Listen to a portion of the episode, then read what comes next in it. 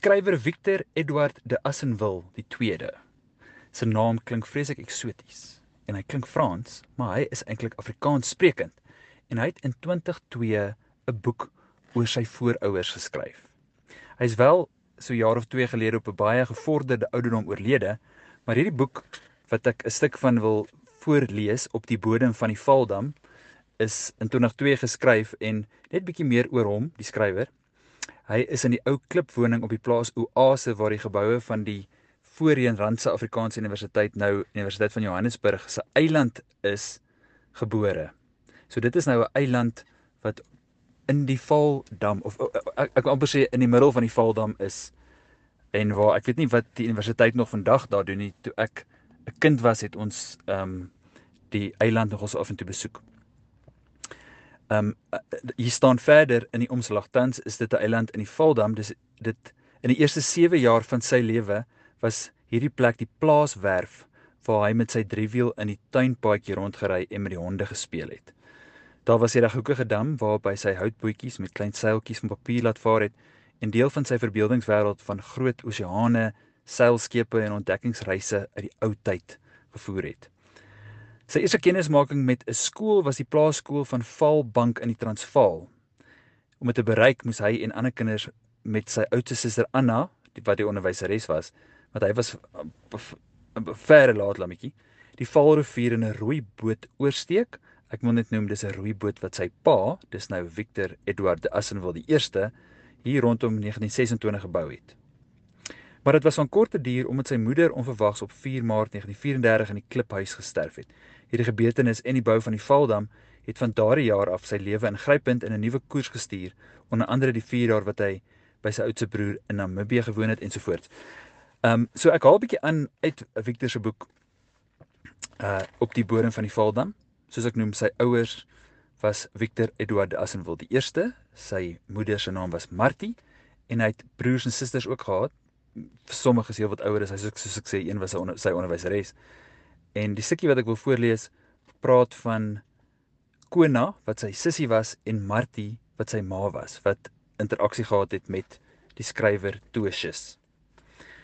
Tosius is mos 'n bekende digter gewees en hy was onder andere ook een van die vertalers van die Bybel in Afrikaans wat in 1933 uitgekom het. Daar staan hier geskryf 'n uh, professor Dr. J.D. Tooi, bekend as die digter Tosius, het Sandfontein, dis nou die plaas uh een van die plase daar vir die eerste keer in 1911 besoek. In sy boek vat hy sy familiegeskiedenis baie ver terug, onderbreek ek myself, Victor de Assenwil, van die Franse Hugenote se tyd af en die meeste van die van die verhaal van sy lewe speel af op die plase Zandfontein en Syferfontein wat in die hoefyster wat die Vaalrivier se loop gemaak het voor die Vaaldam gebou is, um geleef was. Hierdie twee plase Zandfontein en Eysterfontein uh, en Syferfontein het mooi in hierdie hoefyster ingepas en dit was in die Vrystaat.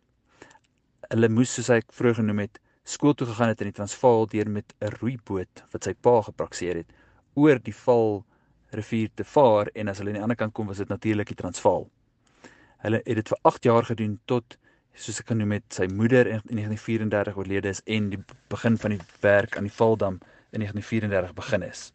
So Tosius het die plaas Sandfontein, een van die plase wat hulle bewoon het verskillende dele van die families in 1911 besoek. By daai geleentheid het hy die gereformeerde kruis, ekskuus tog, die gereformeerde kerk onder die kruis in Frankfurt wat deur die toedoen van sy vader Dominee Essie de Tooi gestig is bedien.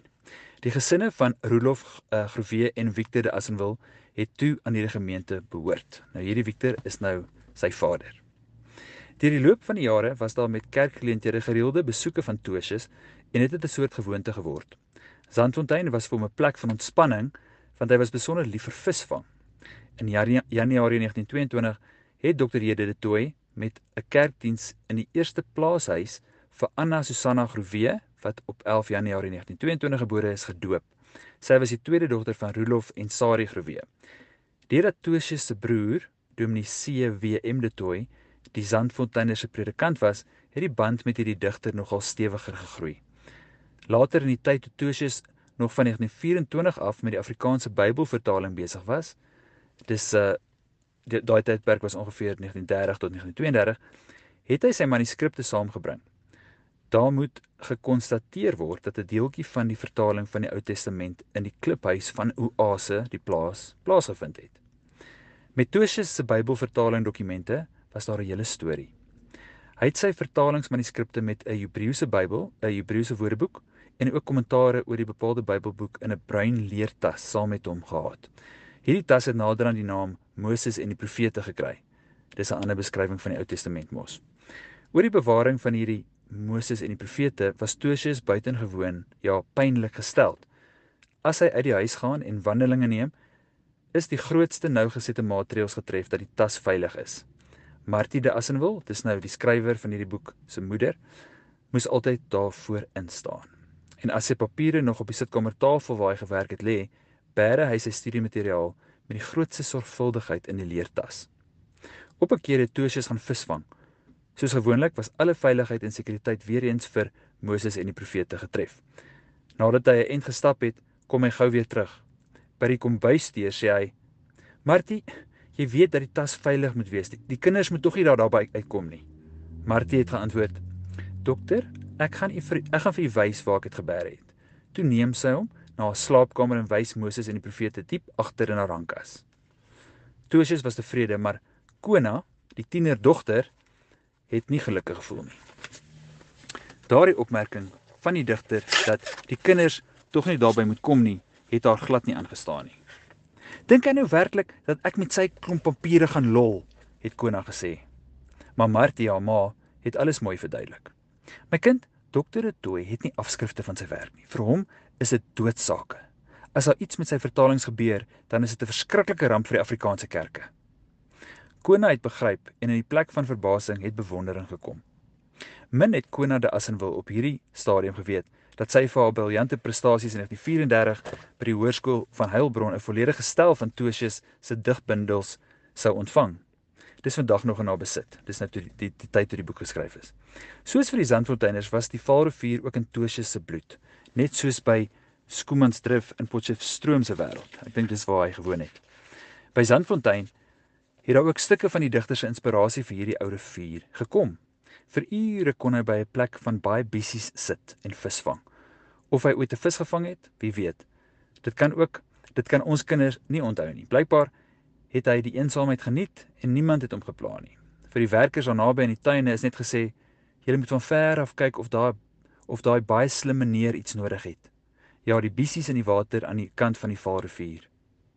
Daar daaroor het Tosius 'n gedig gemaak. Die gedig gaan soos volg: As ek op die waterbaan golfies sien wat rustig gaan en die rus weer stil geniet van die Vaal se stroomgebied, och, dan staan jy bissie plant buigend aan die waterkant en jou arme steeltjie beef of 'n sieltjie daarin leef.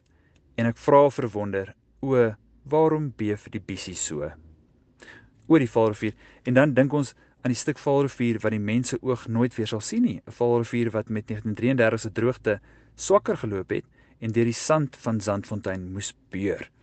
Tosius het dit goed raak gesien. Kyk na sy simboliek om die droogte te beskryf. Hy skryf hoe traaglik het die Vaalrivier al maande en maande aan een in slepend luie slingergang om voortbeweeg omdat die son uit sy fonteine water drink. En die sand van Zandfontein in 1933 se droogte het hy raak gesien. Smal waters wat deur blokke sand 'n voor moes trek, dit het gegaan met banke en bonke, soos 'n ploeg wat in die land geen koers kan kry. Net by die rotse blink geskuur kom daar weer lewe in 'n lyf. Hierdie stuk Vaalrivier is vir altyd toegemaak deur die Valdam. Daardie blokke sand, daardie banke en rotse blink geskuur lê vandag in die donker dieptes. Maar die gedigte oor daardie plekke in die Afrikaanse letterkunde kan dit nooit toegemaak word nie. Hierdie kom in die boek Op die bodem van die Valdam deur VE de Assenwil en dis uitgegee in 2002 deur Ek kan nie sien wie dit uitgegee het nie, maar ja, so dit is nogal 'n klein noot hierdie boek.